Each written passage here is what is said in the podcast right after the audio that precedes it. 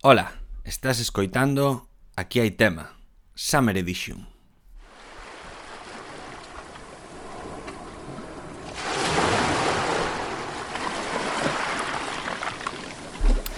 Pois iso, hola a todos, estamos de volta en Aquí hai tema cun capítulo especial de verán que sobre todo queremos facer para recordar un pouco, decir que seguimos aí e que imos romper o noso silencio que foi un pouco imposto eh, ben porque eu personalmente estaba preparando unha oposición que por certo rematou ben así que xa vos informo de que serei profesor de Física e Química comezando no curso 2021-2022 e polo tanto pois este é un podcast que como sabedes naceu na época do confinamento como tantos outros e agora pois queremos retomar. Que pasa que agora estamos en verán e non é un gran momento de eh, están, digamos que as temporadas de podcast.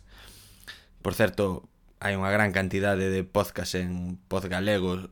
Aproveito aquí para facer unha pequena cuña se queredes eh, escoitalos eh, e queredes estades interesados no podcast en galego, ali tedes de todas as temáticas e moi interesantes, pero a realidade é que a, moitos deles fixeron como final de temporada eh, pois o mes pasado, unha cousa así, agora estamos en agosto, cando, cando estou eh, falando, eh, o lóxico, pois, será pois empezar en setembro, non? Agora un pouco máis complica complicado tamén para nós xuntarnos, pero eh, queríamos simplemente decir que seguimos aí, entón fixemos este pequeno capítulo especial verán, algo así, espero que fresco e que vos dea ganas de seguir escoitando, e que é un capítulo sinxelo que ten Bueno, o capítulo consiste nunha pequena entrevista a Juan, un dos integrantes do podcast, como sabedes,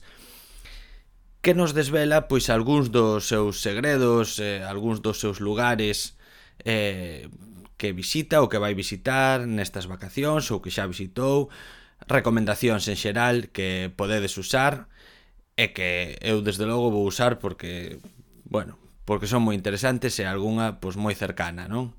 Así que nada, vémonos á volta e desfrutade desta pequena entrevista.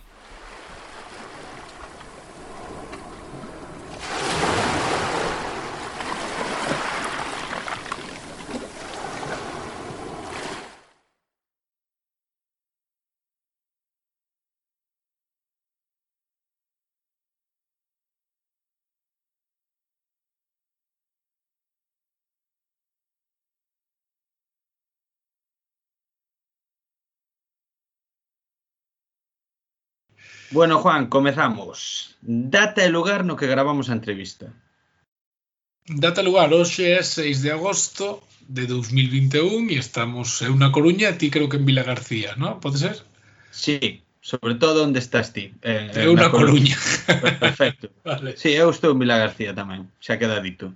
Ben. Eu creo que probablemente todas sexan desde Vila García, así que... Perfecto.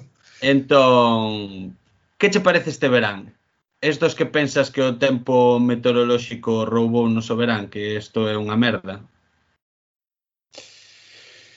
Eh, como prácticamente todas as preguntas que se poden facer na vida hai que ver un pouco o contexto no? eu na miña situación a min gusta a praia, gusta o bo tempo en verán pero tampouco é unha cousa que me cambie o humor ou que diga que merda de verán e tal O verán que estamos a ter é bastante fresco, bastante chuvioso, entón eu intento ver ya as cousas boas, non? É dicir, bueno, pois aquí estamos na terra da auga, eh, a auga é vida e, mira, estupendo para pa moitas cousas. É certo que hai certos eh, alimentos, eh, certo sector agrícola que igual necesita ahora máis calor, como o millo, por poñer un mm. exemplo así que se me venga na cabeza. Pero non, non creo que nos roubaran o verán. A máis, xusto tamén coincide co tema do Covid e tal, que xa tampouco iba a ser un verán moi, moi, moi tradicional ou moi festeiro ou moi tal. Así que, mira, xuntaronse estes dous estes dous eh, estas dúas circunstancias e eu creo que doe un pouco menos o mal tempo que está a facer. Por outra banda, tamén vendo como están no resto do estado, que están a 40 grados por aí en algunhas épocas, e nos aquí a 20, 21, e ca chaqueta ao sair da casa, pois mira, se teño que elixir entre estar eh, a 40 grados ou estar a 20, pois mira, quedome cos 20 grados e o clima morno que temos en Galicia. Así que non non estou especialmente afectado polo mal tempo, eh? Sí. Con moitas vérgulas, non sei di vérgulas. Comiñas ou... Comiñas, vérgulas, non sei, sempre me lío. Pois sí, non, non me afecta moito. Non creo que nos roubar o verán o, o mal tempo. E xa a día 6 de agosto xa tiveches uns días de vacacións ou de momento solo foron fin de semanas ou como é o...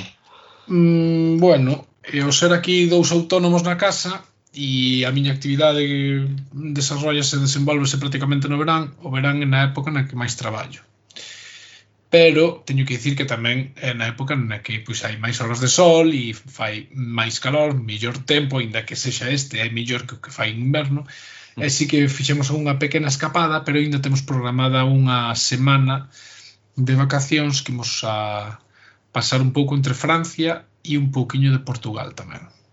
Mm. Ben, eh, por aí iba tamén unha das miñas preguntas, se nos podías contar eh, cales eran eses plans, eses plans por, xa, por Portugal ou Francia. Xa non quixen sobre... desarrollar moito porque xa me imaginaba xa que iba... Vale, sí. vai, voulle pisar a pregunta. Eh, pero mira, claro. xa de paso vouche facer outra Bien. por se acaso por, se, por se acaso tema, tamén te me adiantas. Se, que creo que máis ou menos xa quedou ou iba en algún momento ibas un pouco por aí o tema se este plan que tes se chega a ser un verán free COVID, eh, tería sido diferente. entonces que nos expliques un pouco o que ti queiras mm, dese plan por Portugal-Francia para darnos en vexa, e tamén se tería sido diferente. Vou empezar, como se di, primeiro pola segunda pregunta, que parece que é algo que queda, queda moi ben sempre dicilo. Como os políticos. Non creo, non creo. Eh, Eh, eu, claro, bueno, eh, vou dicir a audiencia, eu fago, te digo, unha fotografía e vídeo, sobre todo no verán que famos moitas bodas. Entón, este ano, co tema do Covid, non teño moitas. entonces eh, se non fora polo Covid, eu tería máis traballo, tería menos vacacións, ou menos tempo libre. Entón, é un pouco sempre intento reservar unha semaniña ou 15 días como moito para no verán poder escapar Así que eu sinceramente creo que sin ou, con ou sin COVID este verán tería sido nun alto porcentaxe bastante bastante similar.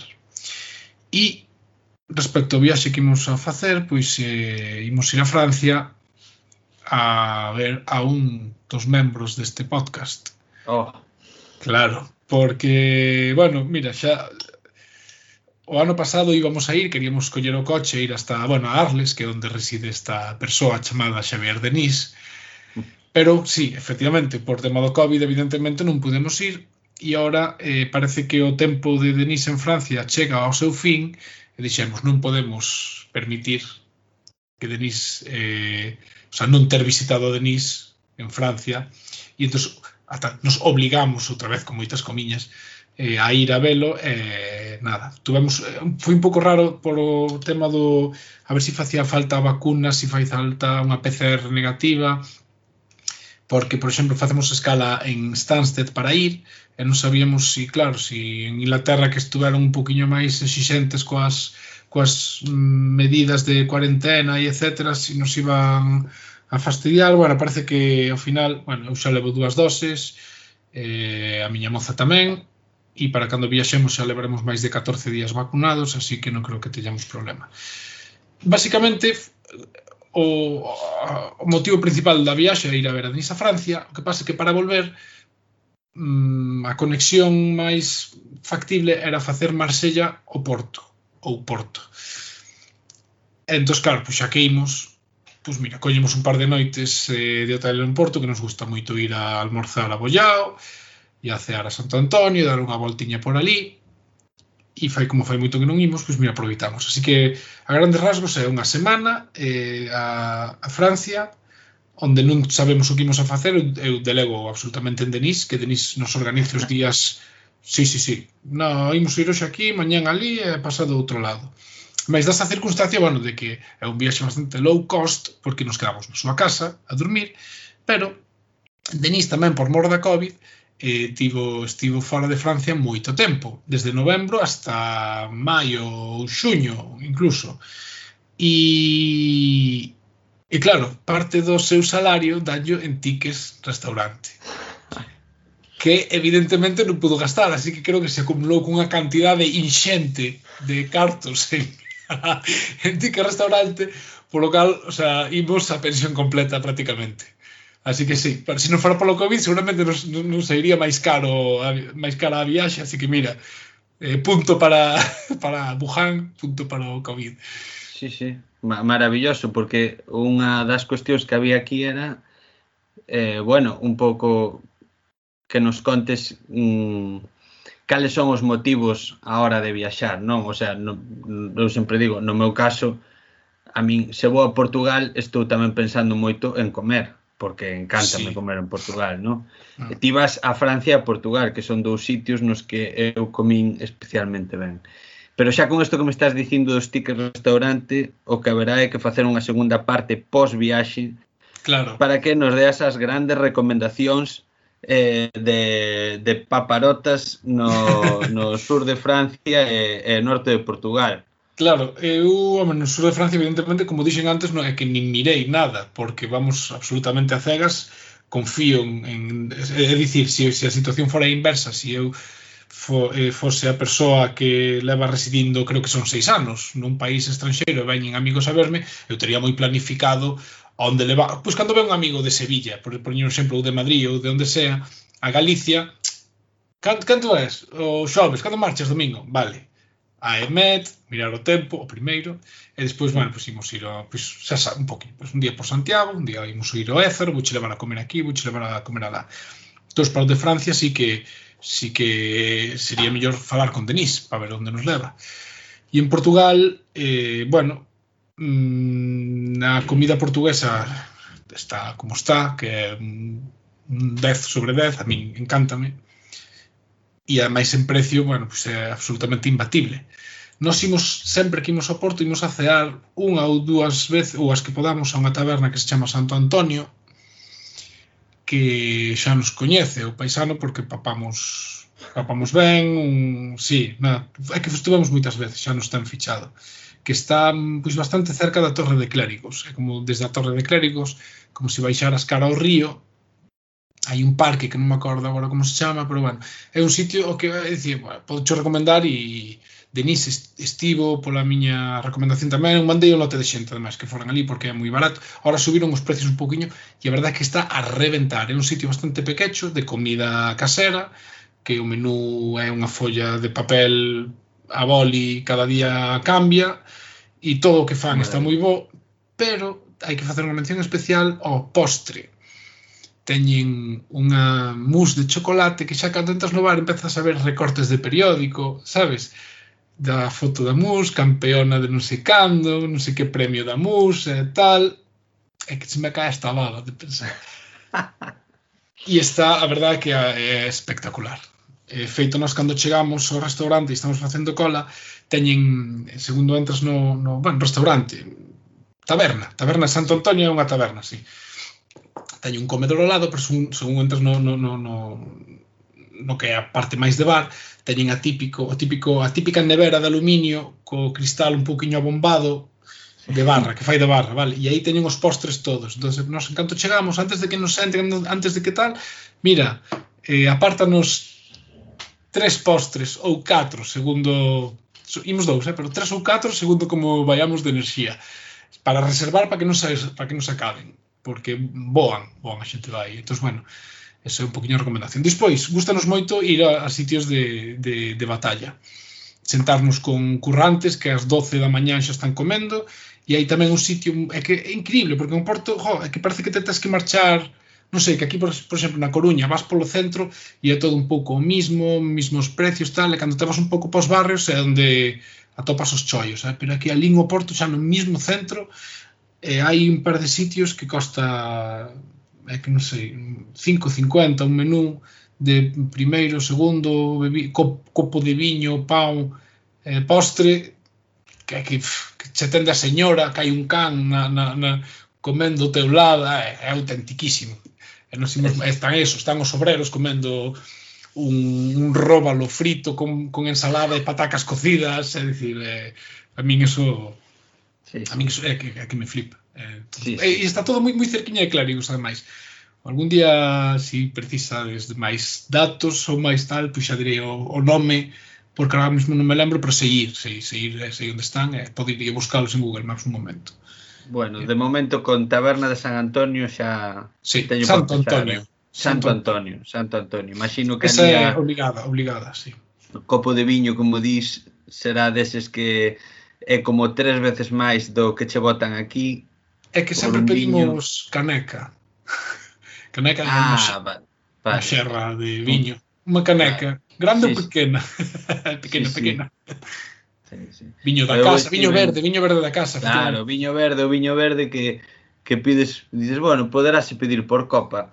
E eh, cando che traen a copa de viño é eh, eh, como tres das daqui, unha cousa así. Tens eh, que acercar así para que non che caia. Eh, claro, é espectacular. Bueno, pois moi boa recomendación, Juan. Queda apuntada eu desde logo vou ir porque a min flipame comer en Portugal e das cousas é unha das miñas actividades favoritas.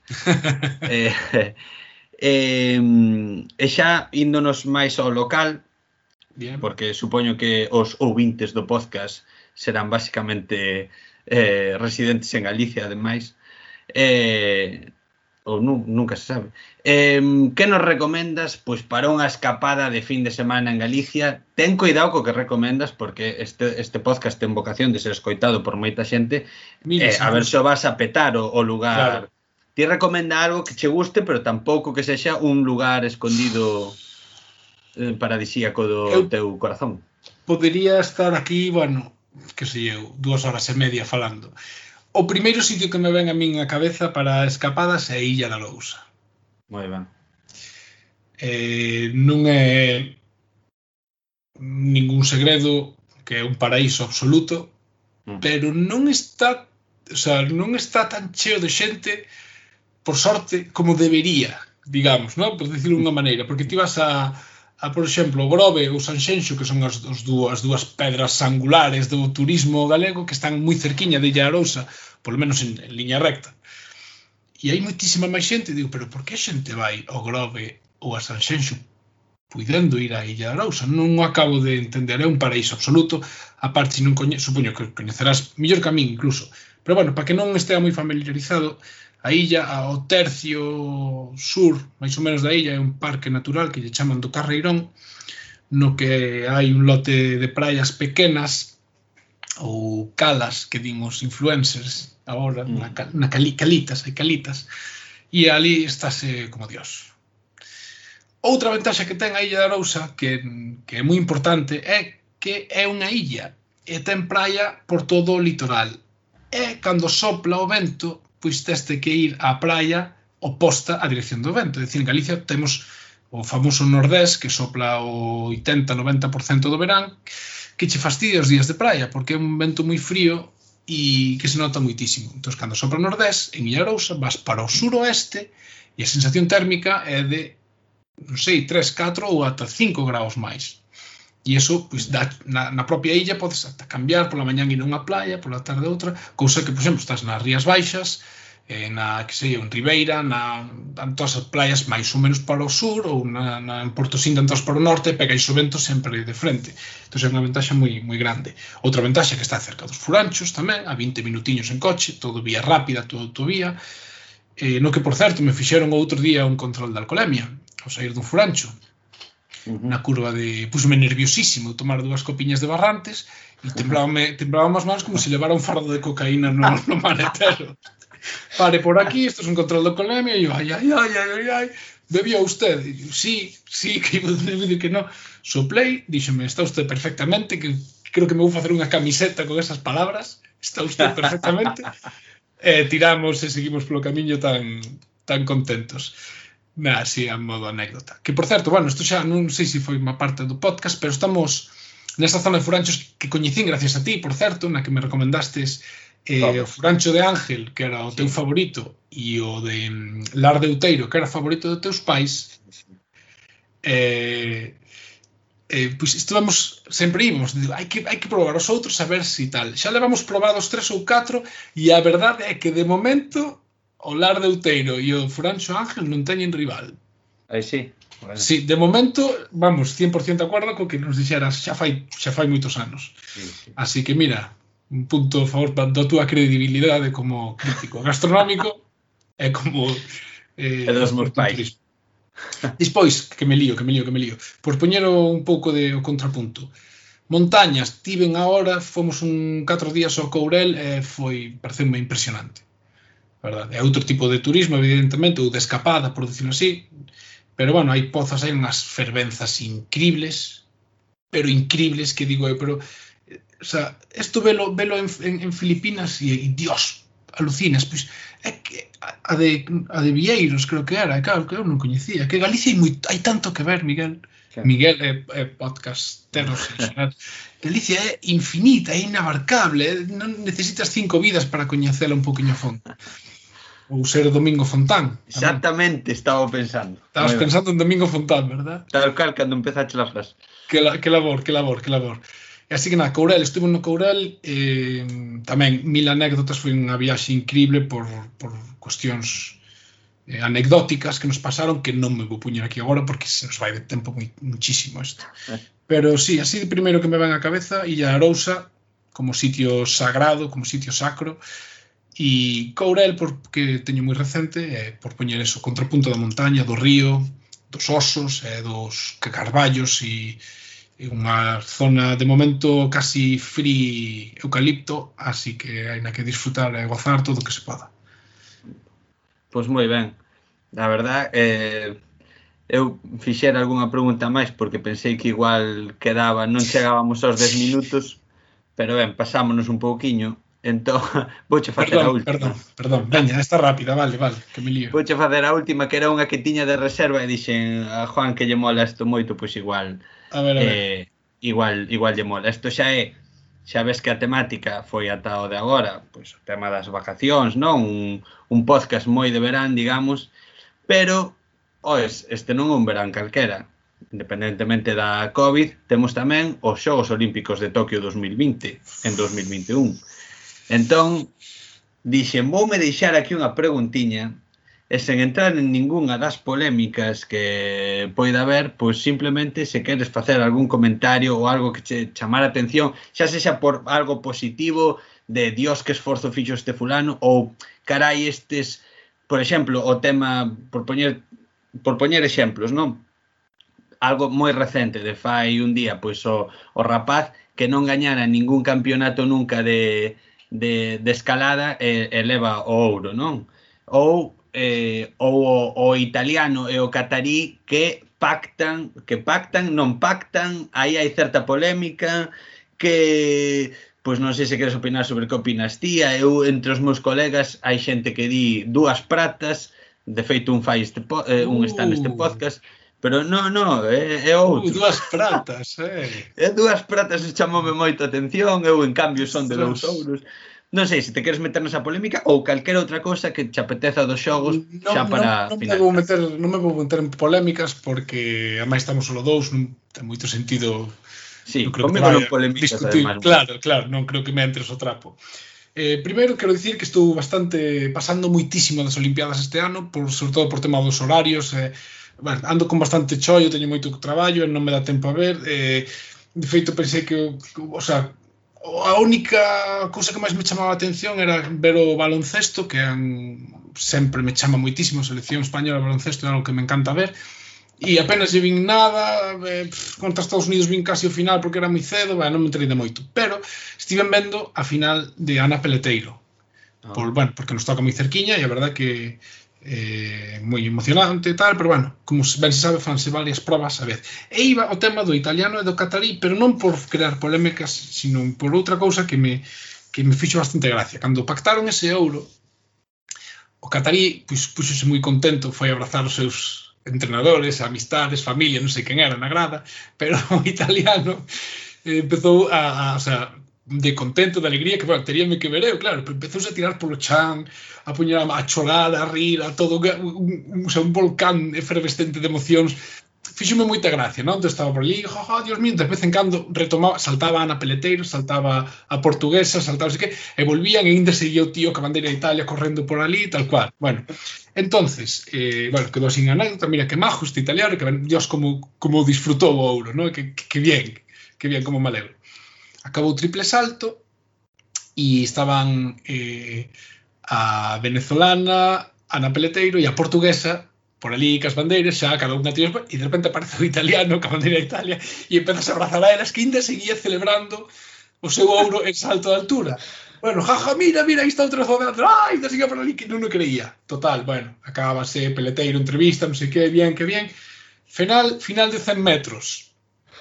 Chega a final de 100 metros, aí van, bu, sale mal o inglés, pum, eu pensei que tiña dous avisos, e non, resulta que tiña un, ostras, que putada, dios mío, na final, eso ten que ser, dios mío, terrible, que mal, que mal, bueno, pobriño, non pasa nada. Empezan a correr, e gano o italiano, cruza o italiano a línea de meta, e ali está o de salto de altura que a bandeira esperando por ele. Pero vamos a ver, non tes casa, que bom. eu creo que xa deberías deixar os, os demais que celebren o seu. Fixo-me moitísima gracia velo como un, unha constante recurrente durante toda a tarde. O tipo non quería marchar do Estadio Olímpico, celebraba con todo o mundo as vitorias como se foran del, e fixo-me moita, moita gracia. Mención especial tamén, independentemente do que falei dos 100 metros lisos, que tamén nos vin, gustoume moitísimo a presentación dos, dos 100 metros lisos, coa proyección que fixeron sobre mm, a pista dos 100 metros, como foron presentando un a un, apagaron as luces do estadio, pareceu moi, moi, moi chulo. E nada, cos Xogos Olímpicos quedome coa celebración deste tipo, que non sei nin como se chama, verdad? Pero bueno, se si me está oindo, seguro que se dá conta que é el do que estamos a falar. Sí, sí. E nada máis, dos Xogos Olímpicos non podo aportar prácticamente nada máis. Sí, sí, sí, estou, estou totalmente de acordo porque vin todo iso, eu tamén me din conta e houve un momento que dixen eu, este tipo, claro, ao final conseguiu o ouro e o claro, ao final o, cando, por exemplo, un triple salto, vale, a cámara de televisión española grababa moito Ana Peleteiro, pero as cámaras oficiais, digamos, de, de todo o evento centrábanse na, na venezolana, en, na chica que gañou o, o ouro. Eh, Entón, eh, aquí tiñan que dividirse as cámaras entre o catarí e o italiano. E aí é onde Italia gañou o relato. Aí, o relato, sí, sí, tal sabes, sabes eso cando din de quen gaña o relato? Italia gañou o claro. relato. O catarí non se vai acordar outro saltando, sí, pero sí, sí, sí. gañou o Italia. Final. Que despois, bueno, indagando un poquinho por internet que estas cousas evidentemente non fun eu solo o, o que se dou de conta, resulta que este chaval italiano rompera o non sei se o talón de Aquiles ou o peroneo ou a tibia, rompera unha perna, vamos dixer aí, e non puido estar nos xogos de Río por culpa desa lesión. E el levou a escayola gardouna durante todo este tempo e levou unha ahora a Tokio, entón, bueno, debeu ser ese plus de emoción de perder os xogos de Río e gañar o ouro nos seguintes, 4 anos despois, uf, eso quitouse unha espiña moi gorda, entón, bueno, entendo que non quixera marchar para casa e que quixera celebrar sí. con, a máis, bueno, eh, dicir que no caso dos 100 metros era un compatriota, tamén italiano, que se coñecería seguramente, tamén, bueno, pois pues por ali quedou, e o que digo eu, habería que verme a min, eu igual ainda seguía ali, sabes? Está claro que se, se tiveses que escoller unha habitación na Villa Olímpica sería cerca da deste fulano. Aí hai sí, festa sí. garantizada. Ou, ou cerca ou moi lonxe, claro. Ou moi longe se tes que competir o día. Efectivamente. Bueno, pois pues están todas as preguntas do especial verán.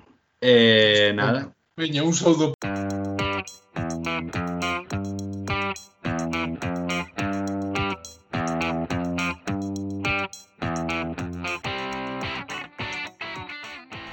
Bueno, pois ata aquí este pequeno capítulo, espero que vos gustase, que, vos, que vos quedases con ganas de máis, porque como comentaba ao principio, volveremos. Así que nada, un saúdo a todos, pasado ben o que queda de verán ou cando estedes escoitando isto, e ata a próxima.